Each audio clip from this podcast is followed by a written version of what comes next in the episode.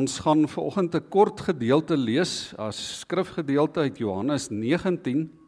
Johannes 19 vers uh, 25. By die kruis van Jesus het ook nog sy moeder en sy moeder se suster en Maria, die vrou van Klopas en Maria Magdalena gestaan. Toe Jesus sy moeder sien en die disipel vir wie hy baie lief was, wat by haar staan, sê hy vir haar: "Daar is u seun." Daarna sê hy vir die disipel: "Daar is jou moeder."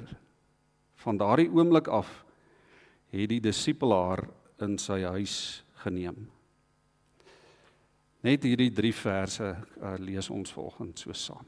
Liewe gemeente, uh, broers en susters, Jesus se laaste woorde aan die kruis is vir ons as gelowiges geweldig belangrik. Dit het vir ons groot betekenis. Ons is ook nou in die in die lydenstyd wat uh, verlede Sondag begin het waarin ons ook dit wat rondom Jesus se kruisiging gebeur het, die aanloop daartoe en die betekenis daarvan wil ons as gelowiges, ons as kerk van die Here ook in hierdie tyd net weer vasgryp en dit omhels en toelaat dat die Here dit ook gebruik om vir ons eintlik net weer te sê maar waaroor gaan ons geloof en waaroor gaan ons verhouding met God? Wat is die kern daarvan? So hierdie laaste woorde van Jesus geweldig belangrik. En in Jesus se woorde spesifiek dit wat ons ver oggend by stil staan, sien ons en hoor ons hoe dat Jesus regtig omgee vir mense vir die mense rondom hom. Spesifiek gee hy om vir sy familie, vir sy naby mense. Nou kom ons probeer net vinnig 'n prentjie kry van dit wat daar by die by die kruis gebeur. Jesus is besig om 'n pynlike dood aan die kruis te sterf. Die meeste van sy volgelinge het angsbevange weggehardloop. Daar rondom die kruis by die voet, miskien so entjie weg, staan daar net 'n 'n paar letterlike paar vroue en een enkele disipel. Een van die vroue is Jesus se ma Maria.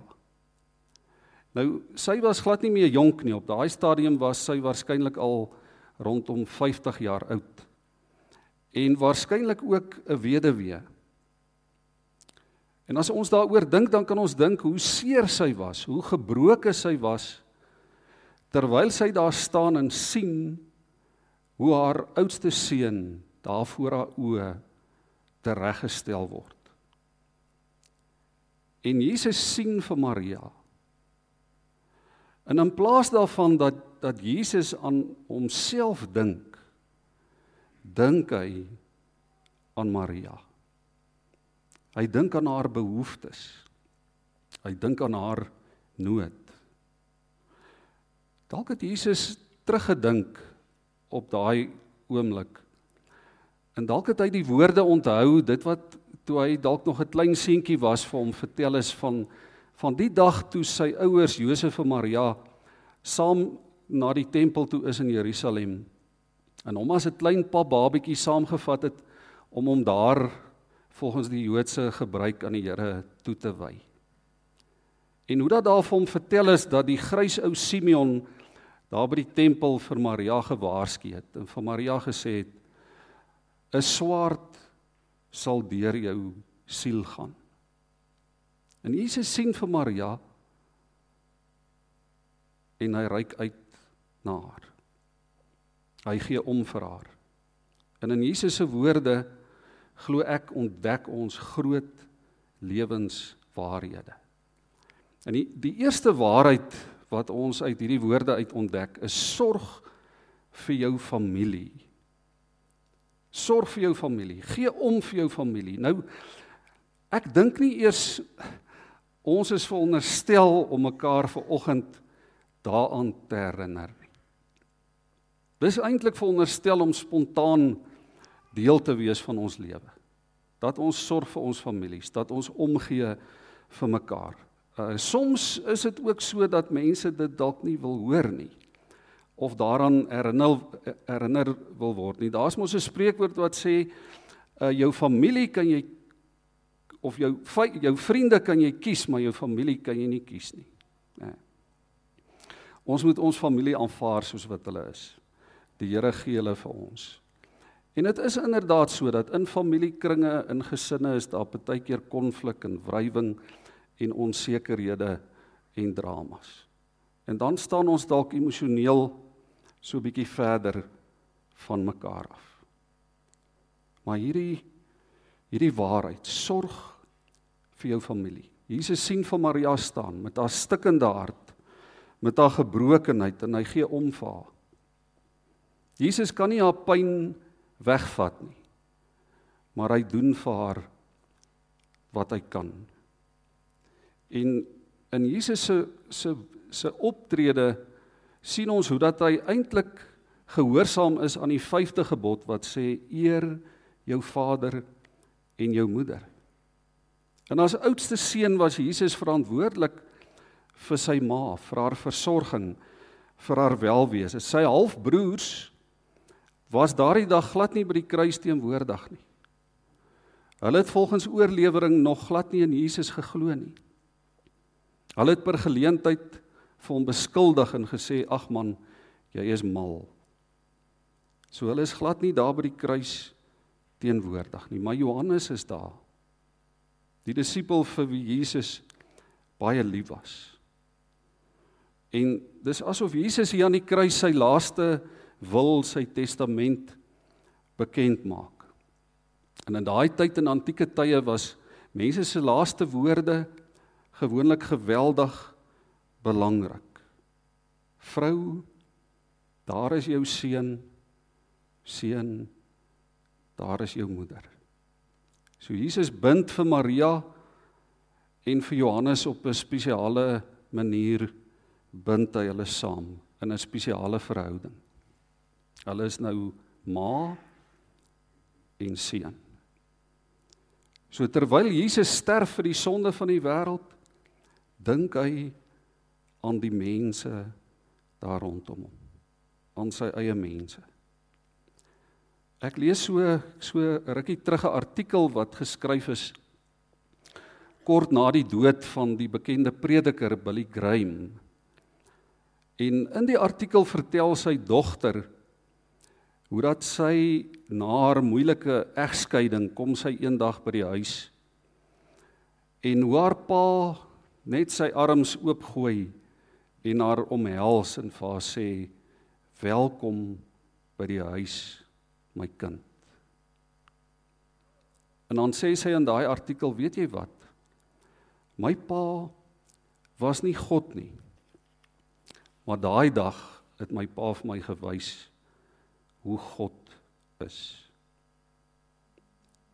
Broers en susters, as as ons na die Here toe kom met ons gebrokenheid, met ons sonde, met ons vrae, met ons onsekerhede, ons mislukkings, ons swakhede, ons seer, dan sê die Here, "Welkom by die huis, my kind." En sy uitnodiging is vir elkeen van ons. God gee om vir ons. God gee om vir ons familie. Familie is vir God belangrik. En as ons vir mekaar omgee, vir ons families omgee, dan wys ons vir mekaar die hart van God. Daarom sorg vir jou familie.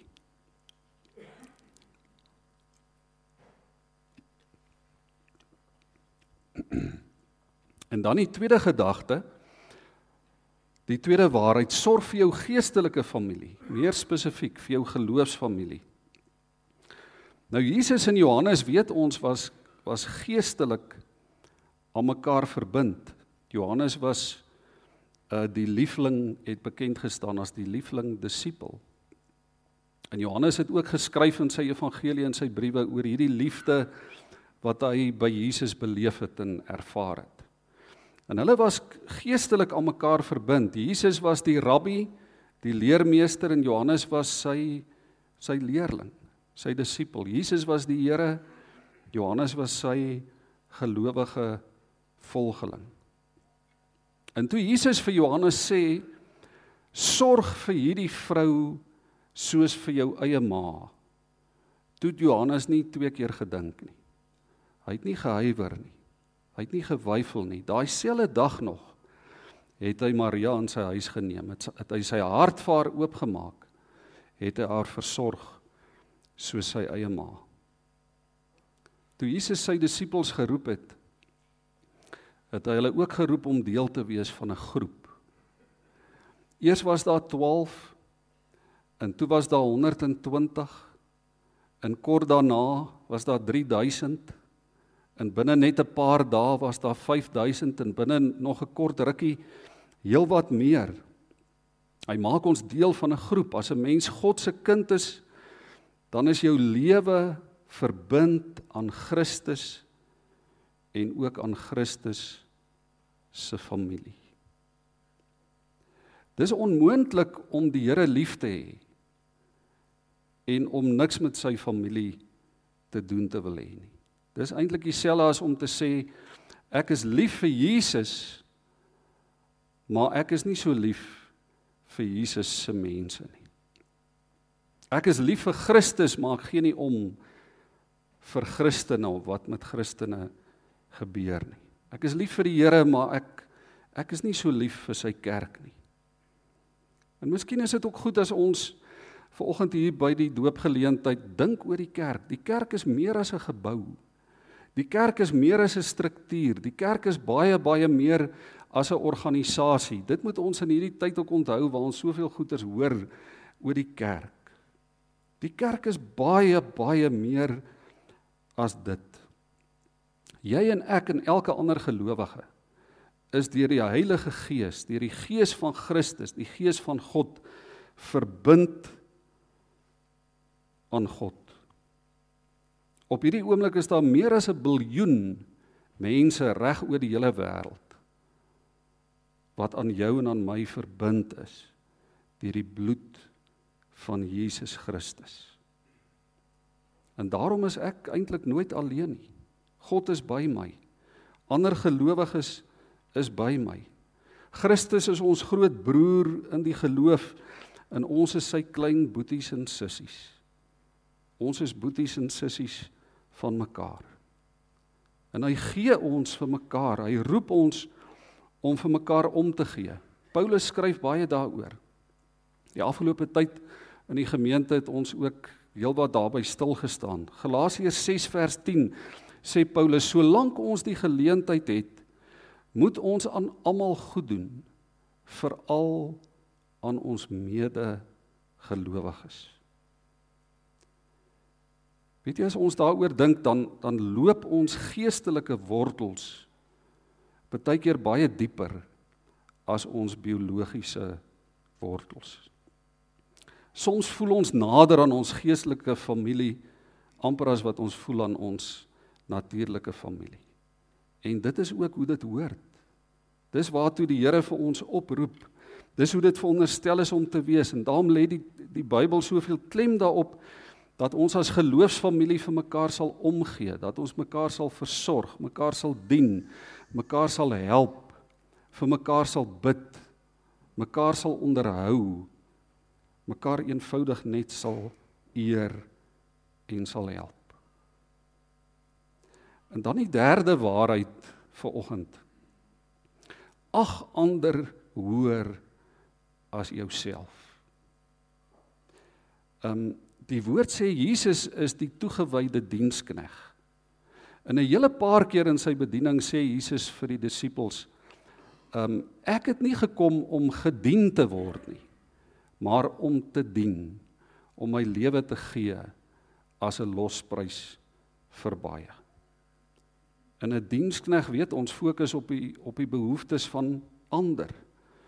Dan Filippense 2 vers 3 sê Paulus ook moet niks uit selfsug of eersug doen nie.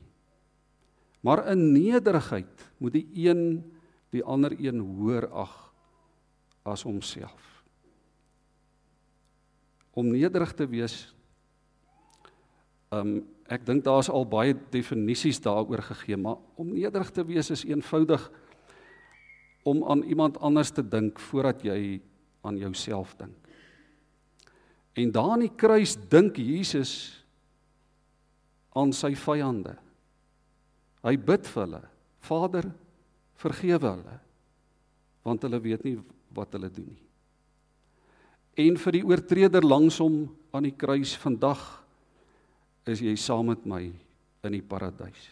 Hy stel ander se belange eenvoudig bo sy eie. En die boodskap is dit: as jy omgee vir ander, sal God omgee vir jou. En dit beteken nie 'n mens moenie vir jouself omgee nie. Ons moet goed wees vir onsself. Ons moet kyk vir onsself sodat ons ook goed kan wees vir ander. Sodat ons ook na mekaar kan kyk.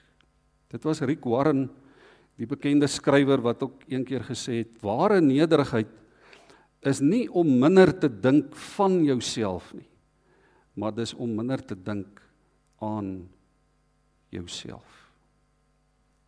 Dis nogal 'n groot uitdaging. En hierdie kruis kruiswoord van die Here wil vanoggend net vir ons weer kom sê kom beklemtoon jy kan nie in die lewe sonder familie klaarkom nie. In moeilike tye is familie daai veilige hawe waar jy uit die stormagtige see in die hawe kan invaar en waar jy jou boot kan anker en waar jy rus, ware rus en vrede kan kry. En nou is die kerk veronderstel om so 'n veilige hawe te wees. Dis eintlik wat die doop vir ons ook sê. Die doop wil vir ons sê maar jy's deel van hierdie veilige hawe. Jy's deel van God se huisgesin. Jy's by die huis. Welkom my kind. En jy sal altyd welkom wees. In Jesus kom hierdie nuwe familie verband, hierdie verhouding tot stand. Die gemeenskap van die gelowiges. Broers en susters, ons ons weet nie wat ons het voordat ons dit nie mis nie of voordat ons dit die dag dalk nie het nie. Die afgelope week ehm um, dit was baie terloops.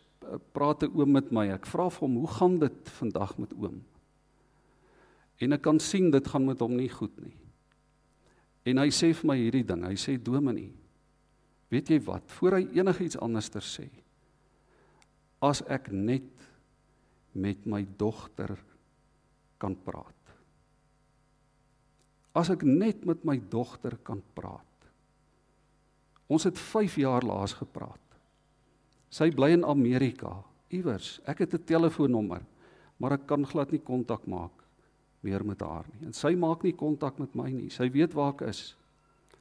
As ek net met my dogter kan praat. Ek wil hierdie teksgedeelte vir ons weer 'n keer lees.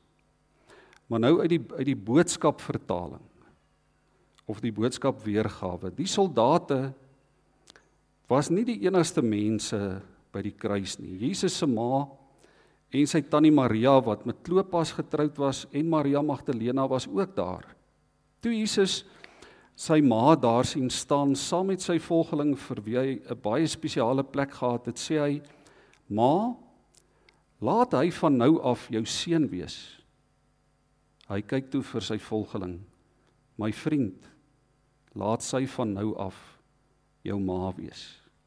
Van toe af het Maria by hom gaan bly en hy het haar versorg. Dis aangrypend, né? Jesus maak van volgelinge seuns en hy maak van vrouens moeders en hy maak van vriende huisgenote en familielede. Dis wat die Here doen. Dis wat God se genade beteken. As ons by die kruis van die Here staan, dan gaan ons harte oop vir mekaar. Jesus se hart was oop vir Maria. Sy hart was oop vir Johannes en hy laat deur sy gees Johannes se hart ook oop gaan vir haar. En Johannes het gedoen wat die Here gevra het. Juis omdat hy en Jesus in 'n naby verhouding met mekaar was. Broers en susters, ons ons kan nie by die voet van die kruis staan en niks met mekaar te doen wil hê nie. Ons kan nie by die voet van die kruis staan en nie aan mekaar gebind word nie. En ek wil amper sê om om by die doopvont te staan. As ons in die doopwater kyk, dan sien ons eintlik die kruis weer kaats, nê. Ons sien God se genade wat Jesus deur sy bloed vir ons verdien het en verwerf het. In die water van die doop sien ons God se genade. Dit weer kaats na ons toe. Jesus se woorde aan die kruis, Jesus se liefde. Jesus se oop arms wat sê kom, kom na my toe. En ons kan nie by die kruis staan en nie aan mekaar gebind word nie. Ons kan nie van die kruis af weggaan en nie verantwoordelikheid vir mekaar aanvaar nie. Kinders van die Here, volgelinge van Jesus word deur die deur bloedbande aan mekaar gebind, deur die bloed van Christus. Ons is nou deel van Jesus se bloedfamilie. Kyk ver oggend 'n bietjie rondom jou. Voor jou, agter jou, langs jou, saam met jou hier in die kerkgebou. Rondom jou en, en langs jou is daar nie net 'n pa of 'n ma of 'n seun of 'n dogter uh of 'n man of 'n vrou of dalk 'n kollega of 'n buurman of 'n werkgewer of 'n werknemer of 'n vreemdeling miskien 'n besoeker dalk ver oggend in die kerk nie rondom jou saam met jou in hierdie kerkgebou is jou broer en jou suster in die Here in Christus. Van daardie oomblik af het die disipel haar in sy huis geneem. Mag die Here ons help. Mag die Here ons seën vanoggend ook by die doop om hierdie soort verantwoordelikheid toenemend elke dag meer en meer vir mekaar te aanvaar. Om mekaar te omhels met die genade en met die liefde van die Here. Amen.